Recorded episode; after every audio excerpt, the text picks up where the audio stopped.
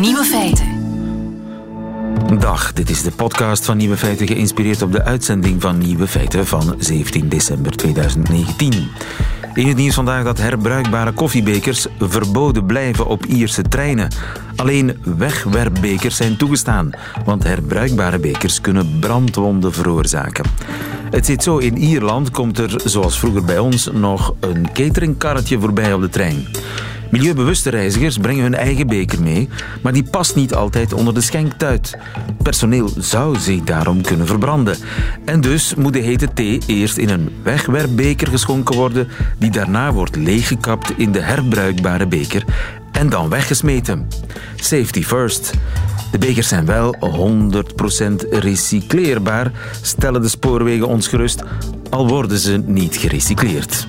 Maar ook daar zal wellicht een uitleg voor zijn. De nieuwe feiten vandaag. Antwerpen verkoopt 6000 praalgraven voor een prikje.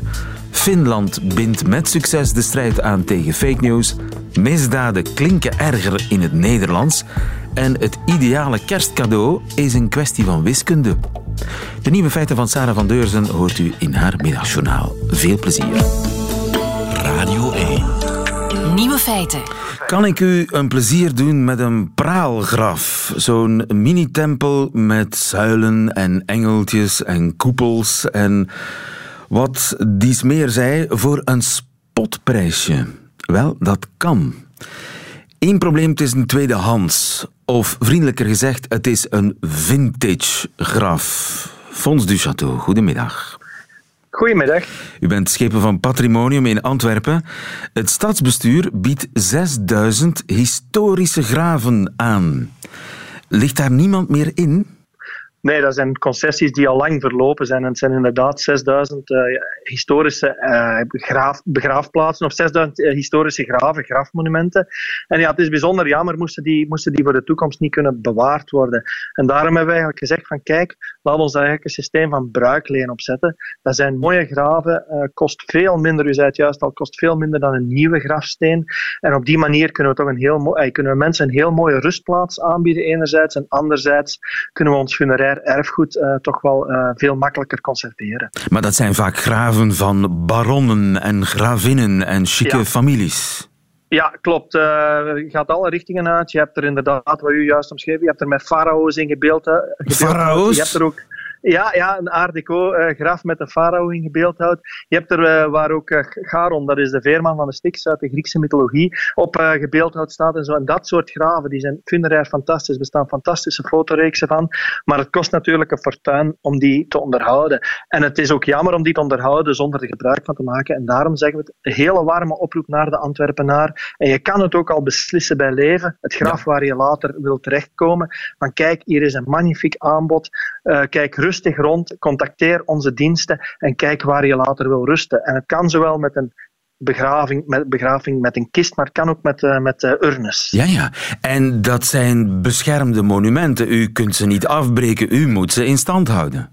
Uh, het is erfgoed. Uh, de meeste mogen we niet afbreken en ik wil ze ook niet afbreken. Het is, het is, echt, het is echt funerair erfgoed. Het, is, gaat over twee eeuwen heen. Het zijn magnifieke. Ik nodig mensen echt eens, eens uit om op die begraafplaatsen te gaan rondlopen.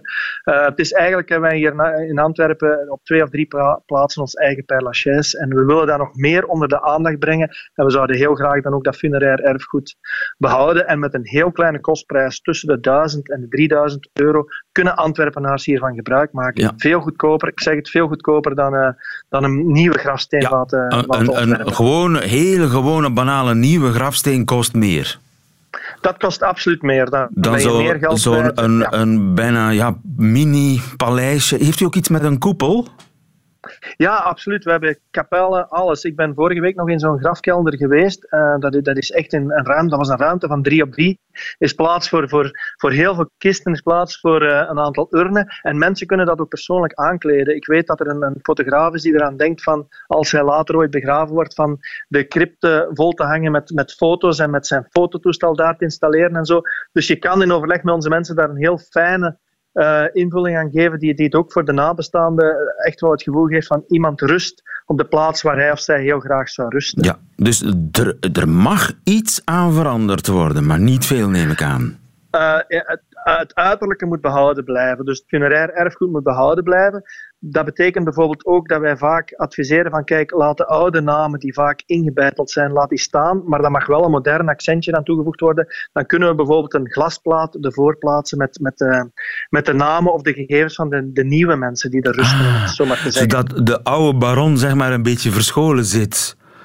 Ja, achter, nou, achter eigenlijk, glas. Is dat, eigenlijk is dat het, het, het, het, is het summen van de klassenstrijd, hè, als je het zo wil omschrijven. Ja. Nee, je, kan eigenlijk, ja, je kan eigenlijk op een, voor een eigen... We hebben gewonnen. U misschien wel, ja. Nee, alle gekken een bestokje. Het is een heel mooi verhaal. Um, het, is een, het is echt een warme oproep. Uh, we kunnen ons funerair erfgoed met z'n allen samen um, bewaren. En daar kunnen mensen echt wel Antwerpenaren beroep op doen. Ze kunnen een mail, mailtje sturen naar begraafplaatsen.antwerpen.be en dan worden ze met uh, heel veel zorg begeleid. Ja, en je kunt dat nu al kopen. Je moet natuurlijk een jaarlijkse concessie al blijven betalen dan, hè? Je kan, nu al de ja, je kan nu al de reservering doen en dan moet je ook die reserveringskost van tussen de 1000 en de 3000 euro betalen. Die gebruiken wij ook om het graf terug in, in, in de beste staat te krijgen. Maar de concessie van 25 jaar, 500 euro, die begint pas te lopen op het moment dat het graf dat het in gebruik een eerste keer. Want ja, als ik hoor u zeggen 3 op 3, daar zitten 6 vierkante meter, 9 vierkante meter graven tussen. Daar is plaats voor een kroostrijk gezin daar kan een hele, hele stamboom in, uh, in ondergebracht worden, ja. Absoluut. En is dat iets uh, alleen in Antwerpen? Want ik woon in Gent, daar hebben wij ook een soort perlachaise, hoor. Dus is misschien niet bekend. Ja, maar dat geloof ik. Ik bedoel, nee, nee, maar ik geloof, ik ben vorige week nog in Gent geweest. Het is ook een zeer fijne stad. Hè? Dus laat daar ook geen misverstand door bestaan. Maar ik heb alleszins, we zijn de laatste dagen bijzonder veel door media bevraagd. Maar we hebben nog geen voorbeelden zelf tegengekomen van andere steden of gemeenten die. Aha. Voorlopig gaan we ervan uit dat uh, Antwerpen hier de spits afbijt. Een praalgraf voor een prikje. Het is wel vintage, maar niettemin een uh, pracht idee om het funerair erfgoed in stand te houden. Dankjewel, Fons Duchateau. Goedemiddag. Bedankt. Nieuwe feiten. Radio 1. De oorlog tegen fake news, kan die eigenlijk wel gewonnen worden? Wel, ja, dat kan. Kijk maar naar Finland. Marcel Burger, goedemiddag. Goedemiddag. Marcel, je bent onze correspondent Scandinavië. Tja, zo fake news is uh, simpel gezegd een bedreiging voor onze democratie, hè? Ja, een hele grote bedreiging. Het zijn niet alleen zeg maar, de, de, de cybersoldaten van president Poetin uit Rusland, maar ook uh, eigenlijk iedereen die kwaad wil op het internet en dus vals nieuws verspreidt. Uh, ja, je kunt bijna daar niet meer omheen. Ja, trollfabrieken misleiden mensen die vervolgens compleet gedesinformeerd naar het stemhokje trekken en op rare figuren gaan stemmen. Maar uh, in Finland hebben ze de oplossing naar het schijnt. Hoe werkt dat daar? Ja, de Finse regering die heeft eigenlijk besloten kijk, dat fake news is natuurlijk allemaal leuk en aardig, maar daar moeten we ons tegen wapenen. Dus ze hebben een, een, campagne gestart waardoor ze mensen proberen bewust te maken van het fake news. En het schijnt te werken in Finland. Maar hebben ze daar heel veel last van, uh, fake news? Uh, malen de Russen om wat er in Finland gebeurt in de politiek? Ja, Finland heeft natuurlijk een enorme grens van meer dan 800 kilometer met Rusland. En uh, Finland heeft altijd al moeten ja, balanceren tussen Rusland en het Westen. Uh, probeert eigenlijk heel goed de Russische belangen een beetje in het oog te houden zonder het eigen belang te verliezen. En ja, de Russen hebben veel interesses in Finland. Want als de Russen in Finland kunnen zijn, dan hebben ze meer macht. En kijk maar een paar jaar geleden toen uh, de Russen een stuk van Oekraïne innamen. Daar zijn ze in Finland heel erg van geschrokken. En toen dachten ze, als ze het in Oekraïne kunnen, kunnen ze bij ons ook. En dan gaan we ons tegen wapenen. Er is een Russische snaar in Finland. Er is niet veel nodig om de Finnen alert te maken voor gevaar uit het oosten. Dat klopt inderdaad. Ja, die Finnen hebben één groot voordeel. Ze hebben ontzettend goed onderwijs. Het beste van uh, zo'n beetje de wereld.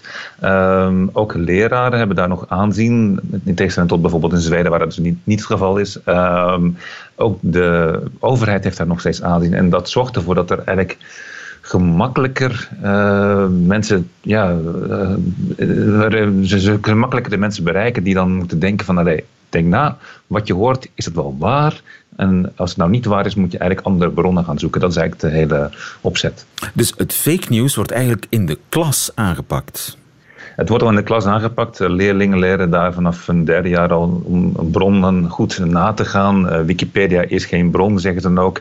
je moet goed bedenken waar die informatie vandaan komt. Iedereen, iedereen kan het kan veranderen. Een, iedereen kan een Wikipedia-pagina maken. Hè? Precies. we kunnen Lieve van de Houten correspondent in Zweden maken, bijvoorbeeld in Finland. Dat kan allemaal. je hoeft alleen maar te schrijven. Maar de vraag is natuurlijk, wat is waar? Dus kijk goed naar de broninformatie. Daar is ook een campagne aan gebonden waar ze 10.000 mensen hebben opgeleid om uh, ja, dat fake news tegen te gaan eigenlijk. Ja, en het, is wel heel belangrijk voor die Finnen, want die Finnen die, ja, die één voordeel hebben ze natuurlijk wel, ze zijn zo dicht bij Rusland dat ze moeten echt goed nadenken. Ander voordeel is dat ze heel erg nuchtere mensen zijn. De Finnen zijn niet sensationeel. Als je kijkt naar de media in Finland, uh, die zijn eigenlijk heel saai. Er gebeurt eigenlijk bijna niets. Maar het voordeel daarvan is dus wel, gebeurt er iets geks wat dus door de trollen op internet wordt verspreid, dan zullen de Finnen daar extra op alert zijn. Ah, dus geen vette koppen eh, die eigenlijk veel verder gaan dan het eigenlijke nieuws dat dan maar zo zo blijkt in, als je het artikel begint te lezen. Ja, want als ik bijvoorbeeld kijk naar alle Scandinavische media, in Finland gebeurt er eigenlijk bijna helemaal niets. Het is een saai land, lijkt het wel liever. En ja, de Zweden is een saai land toch ook? Ik bedoel, heel Scandinavisch uh, is, in vergelijking met Italië of, of Engeland of België uh, een, een oase van rust natuurlijk.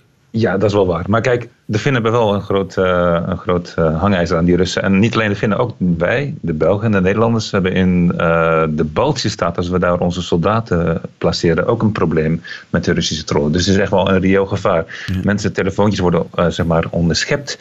mensen worden thuis gebeld, hun familie wordt thuis gebeld. En dat gebeurt in Finland ook. En daar dachten de Finnen, allee, we gaan het hier stopzetten we gaan ons, onze mensen eigenlijk uh, alert maken op, uh, op het fake nieuws. Ja, dus de Russen zijn wel degelijk actief in Finland. De Russen zijn heel erg actief aan de grens, niet alleen in Finland, maar ook dus in de Baltische Staten en de, aan de oostkant van Polen ook.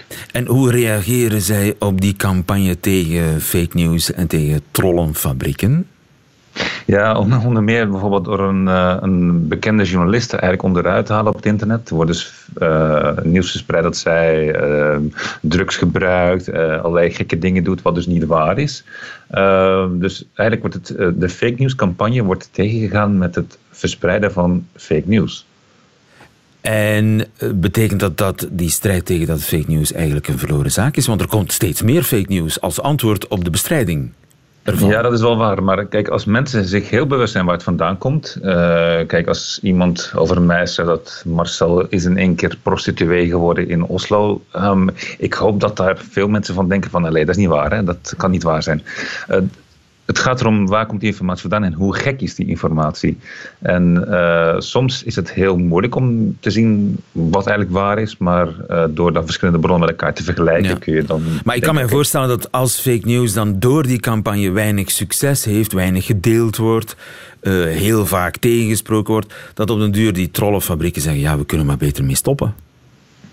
Ja, er zijn natuurlijk wel heel veel trollen in Rusland. Het is een enorm land en de overheid besteedt ook heel veel geld aan, uh, aan echte cyberoorlog uh, vanuit het presidentieel paleis in Moskou. Dus ja, de vraag is natuurlijk, uh, wat kun je tegen wapenen? Nou ja, het enige wat je kunt doen is er aan de andere kant ook veel geld tegenaan gooien. Ja, en dat doen ze in Finland met succes kennelijk. Dankjewel Marcel Burger. Goedemiddag. Radio 1. Nieuwe feiten. Kerst daar komen uh, de cadeautjes, maar daar komt vooral ook de stress natuurlijk. Cadeautjestijd en dus stress alom, want wat koop ik in godsnaam voor Tante Maria? Of voor onkel Louis, maar geen paniek, hulp is onderweg in de vorm van wiskunde. Dag Babette. Hallo. Babette Monen van onze redactie. Er bestaan wiskundige formules die mij van mijn kerststress kunnen verlossen. Ja, want jij zei daar net al, hè, je hebt enerzijds de vraag wat koop ik in godsnaam voor tante Maria of voor onkel Louis, maar dan is er ook nog de vraag hoeveel mag dat kosten? Want de kersttijd is natuurlijk, je hebt een bepaald budget, je moet dat zelf bepalen, dat is al niet gemakkelijk en dan moet je ook nog kijken van ja, hoeveel mensen moet ik daarvoor pleasen voor dat budget en uh, wat willen die dan allemaal? Het zijn twee dingen die voor veel mensen, misschien ook voor jou, voor enorm veel stress zorgen. Maar de wiskunde kan helpen? De wiskunde helpt. Er zijn uh, met name twee formules uh, die kunnen helpen. Eentje om te bepalen hoeveel je moet uitgeven zonder over te komen als een goedkope vrek en zonder over te komen uh, als, als iemand die gewoon veel te veel geld heeft. En eentje die bepaalt wat nu het perfecte cadeau is voor uh, tante Maria of nonkel Ja, dus oh, hoeveel moet ik uitgeven? Mag ik besteden? Daar zijn wiskundigen mee bezig geweest ja. met het uitdokteren van de formule. Inderdaad, Amerikaanse economen uh, zijn daar mee bezig geweest. Nu, in Amerika is kerst wel een heel groot ding, want de gemiddelde Amerikaan spendeert maar liefst 942 dollars aan kerstcadeaus. Um, en dan heb je ook nog eens 33% van de Amerikanen die de kaap van 1000 dollar ronden. Dus ik hoor jou nu al denken, oei, dan ben ik misschien wel echt een vrek geweest dit jaar. Ik had dat enorm toen ik dat las. Maar je moet natuurlijk kijken, dat zijn gemiddelde. Hè? En natuurlijk 942 euro. Voor iemand die 20.000 euro per jaar verdient, is dat enorm veel. Voor iemand die 200.000 euro per jaar vangt, al die mensen in L.A. bijvoorbeeld, ja, dat, dat is een peulenschil. Dus je moet het een beetje in verhouding zien, dat is het. Ja. Um, en dus de formule nu? Maar is het ingewikkeld? Het is helemaal niet zo ingewikkeld. Um, je gaat gewoon eens even op je belastingbrief kijken. Wat heb ik het afgelopen jaar in totaal verdiend? Ja. Daar neem je 1% van. Twee nullen gaan eraf. Ja, inderdaad. En dan heb je exact wat uh, jij mag spenderen aan alle kerstcadeaus samen dit jaar. Oké. Okay. Uh, ik heb geen flauw idee, maar ik zal, ik zal, ik zal eens nakijken. Je moet het eens nakijken en dan hopen dat je er niet bent overgegaan, uh, natuurlijk. Oké, okay, dus dat is eigenlijk heel simpel. Heel 1% simpel. van je jaarinkomen, dat is een gezond kerstcadeaubudget. Ja, inderdaad. En dat verklaart natuurlijk ook waarom jij blij bent als bijvoorbeeld jouw kleine nichtje met een doos praline afkomt. Dan denk je, oh, zo schattig, ze heeft vakantiewerk gedaan en ze heeft een doos praline voor mij gekocht. Dat is voor haar, in verhouding is dat waarschijnlijk dat percentage. Bedrag, Terwijl ja, als je lief dat doet, dan denk je, zeg wel, een goedkope snul is dat. Dus daaraan zie je, verhouding is alles. Verhouding is alles. Dus ja. dat is wat betreft de centen. Maar ja, wat koop ik? Daar wat? is ook een formule voor. Ja, daar is een formule voor. Is die, die ook simpel? Iets ingewikkelder, moet ik wel zeggen. Ik ga gewoon systematisch vertellen. Het is 2 keer L plus O plus E tot de tweede macht. You've lost me. Min PD plus EM. En dan kom je uit bij PP, the perfect gift, perfect okay. present. Uh, kun je dat ook in normale taal ja, zeggen? Het is eigenlijk heel simpel. Je moet je vooral inleven in de persoon voor wie je iets moet kopen. Die L bijvoorbeeld, die staat voor luisteren. Ja. En dat moet je twee keer doen. Hè. Dat verdubbelen de aandacht. Vooral in de weken en maanden voor kerstmis is goed je oor te luisteren leggen van waarover praat die persoon, wat zijn die persoon zijn interesses. Die O, die je erbij moet optellen, die staat ook weer voor de persoon voor wie je iets moet kopen. Je moet die observeren. Dus luisteren, observeren, observeren wanneer... Observeren Um, bijvoorbeeld als je samen in een winkel bent, is even kijken wat houdt die persoon lang vast? Welke producten blijft die lang bij staan? Blijkbaar geeft dat een indicatie over hoe graag iemand iets wil. Aha. Dus uh, gaat hij vaak naar dezelfde dingen? Gaat hij altijd naar de, ik spreek nu even voor mezelf, naar de kookboekensectie? Dan weet je al van, hm, misschien een kookboek. Kan natuurlijk ook zijn dat hij al te veel kookboeken heeft. Dus je moet ook blijven luisteren. Dus luisteren, hè? observeren, ja. En dan heb je ook nog E, dat moet je er ook bij optellen. E staat voor effort, dus moeite die je erin hebt gestoken. Dat spreekt ook voor zich eigenlijk. Hè. Langs een tankstation even passeren en nog snel uh, Ferrero Rochers gaan halen en, en een bos goedkope bloemen. Dat weet iedereen dat dat niet dat echt aankomt. Dat heeft geen moeite gekost. Dus als je echt naar die ene speciale winkel bent gegaan of je hebt iets laten personaliseren, dan scoor je extra punten. Oké. Okay. Nu, oké, okay, die som Effort. hebben we al. Ja. Hè. En dan moet je er iets van aftrekken, namelijk PD, Personal Desire. Dat staat voor wat wil ik eigenlijk zelf. En dat is dan vooral iets dat gebeurt in gezinnen of koppels. Um, je hebt wel van die situaties. Hè? Bijvoorbeeld, jij wil stiekem een iPad. Maar het is dat een dure cadeau om voor jezelf te kopen. En dan denk je, goh, als ik dat nu eens geef aan mijn geliefde, dan ja, die gaat kei blij zijn, want dan, dan, heb ik die ook. En het is een superduur cadeau, dus je kan zeggen, nou, ik heb van deze kerst wel eens 30 Dus dat moet eraf. Dus dat moet eraf. Al je persoonlijke uh, verlangens moeten eraf. En dan tel je daar nog eens empathie bij op. Dat is die befaamde laatste component, dat is EM. En empathie is eigenlijk weer hetzelfde als die twee eerste dingen, lieve. Het is zo ik, simpel ja. als het Ja. groot is. Je moet je gewoon inleven in waar zou die Zou persoon tante nu Maria nu heel blij van worden. Als tante Maria heeft gezegd van, goh, ik, ik zit altijd met, met de kinderen en ik heb zo weinig tijd voor mezelf. Ja, dan Een weet nieuwe je dat, kruimeldief. dat je daar naartoe moet. Maar ik dacht eerder aan een saunabon, maar goed. ja, dus die dingen, twee keer luisteren, observeren, moeite tot de tweede macht en empathie min je persoonlijke verlangens, dan ben je bij het perfecte kerstcadeau. Ik reken erop, uh, Babette, dat je daar een prachtige Instagram uh, van maakt van al die formules, want ik uh, heb het half begrepen, maar zeker niet onthouden. Dankjewel, Babette. Alsjeblieft.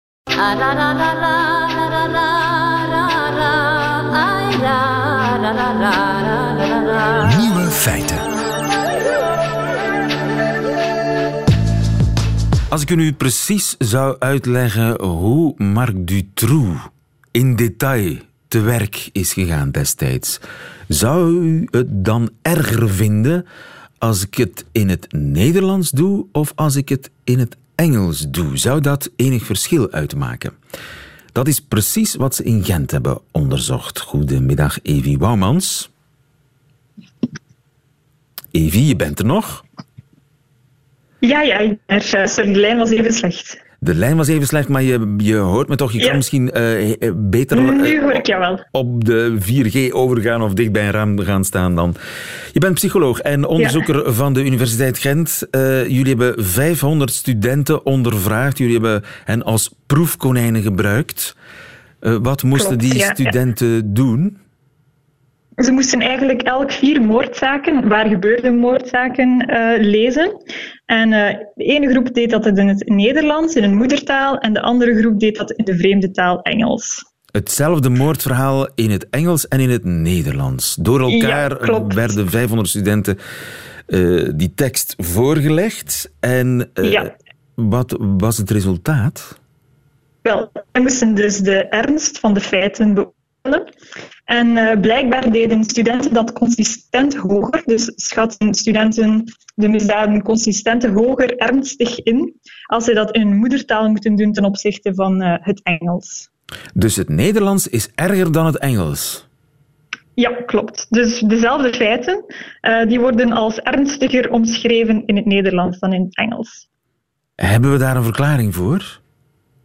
Wel, het is natuurlijk wel zo dat er al eerder onderzoek gekeken heeft naar emotieregulatie in uh, een vreemde taal, zoals wij het Engels spreken, is dat een vreemde taal. Uh, en wat blijkt is dat wij daar minder emotioneel in reageren. Dus als je bijvoorbeeld taboewoorden te horen krijgt, dan gaat dat gemakkelijker in het Engels dan in het Nederlands. Hetzelfde met andere emotiewoorden. Uh, het is bijvoorbeeld gemakkelijker om tegen iemand I love you te zeggen dan ik hou van je. Daarom zeggen we zo vaak shit en fuck. Dat uh, is een goede verklaring, inderdaad. Voor ons heeft dat niet echt een, een uh, vaste waarde als je dat in Amerika zou doen. En dan spreek ik natuurlijk niet over de Amerikaanse films, maar tegen de gemiddelde Amerikaan, dan zou je wel iets raar opkijken. Ja, en godverdomme klinkt veel erger natuurlijk. Hè? Excuseer me ja. uh, voor de mensen. Voilà, kijk, je, je excuseert je al meteen, terwijl je dat niet gedaan hebt voor de andere twee. Dus ja, en ik dat deed het in het bewijs. Frans om het een beetje ironische toon te geven.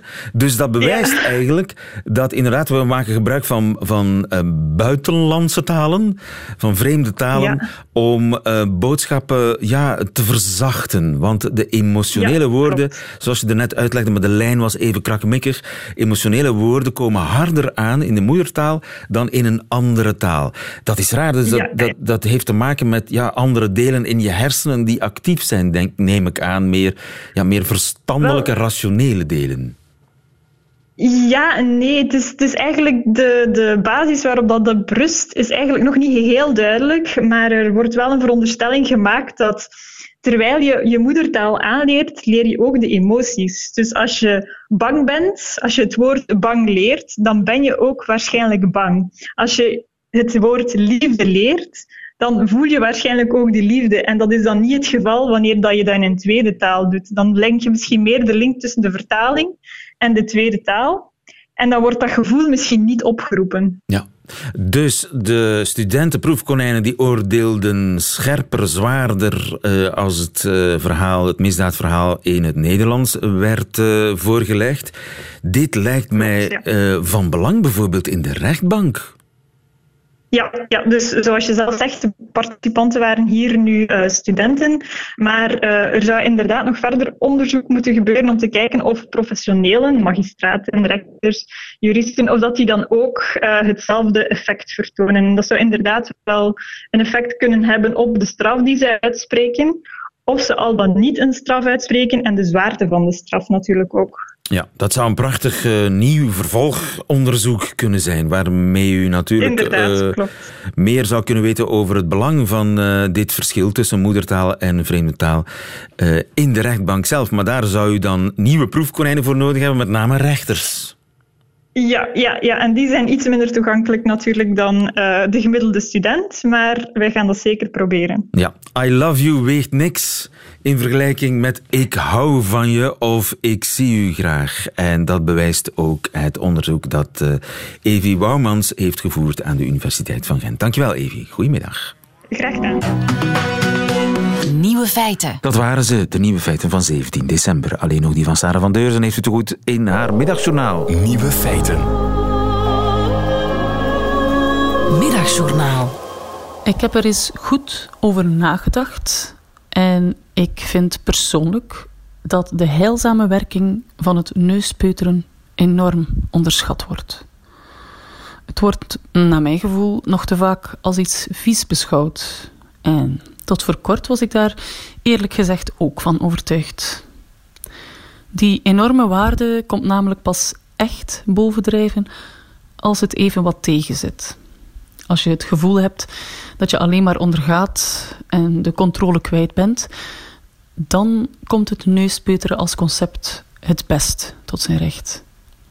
Want wat is neuspeuteren meer dan met het grootste gemak doelbewust onregelmatigheden verwijderen?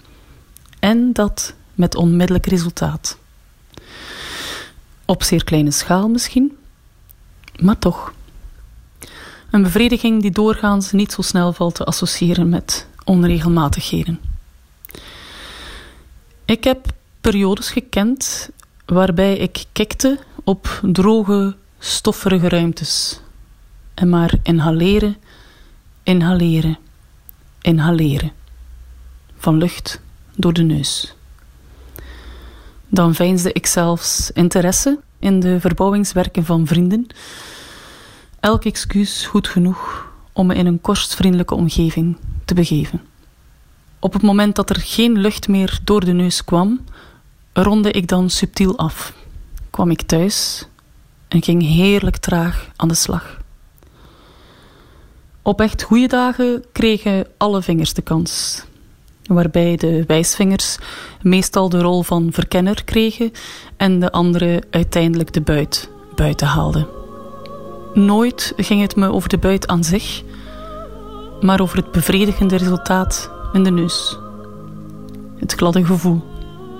Het intens ademen zonder geluid. Nu nog steeds kan ik een enorme voldoening halen uit het peuteren. En ik kan alleen maar dromen van een wereld waar vingers in neuzen gaan. En we daar trots op mogen zijn. Want we doen het tenslotte allemaal. Een gepast einde voor de handdruk.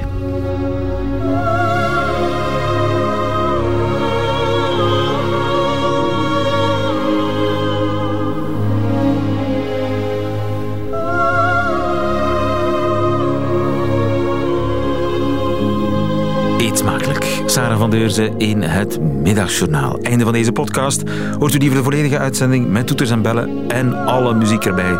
Dan kunt u op onze app terecht of op onze site, waar u nog veel meer podcasts vindt, radio1.be. Tot de volgende keer.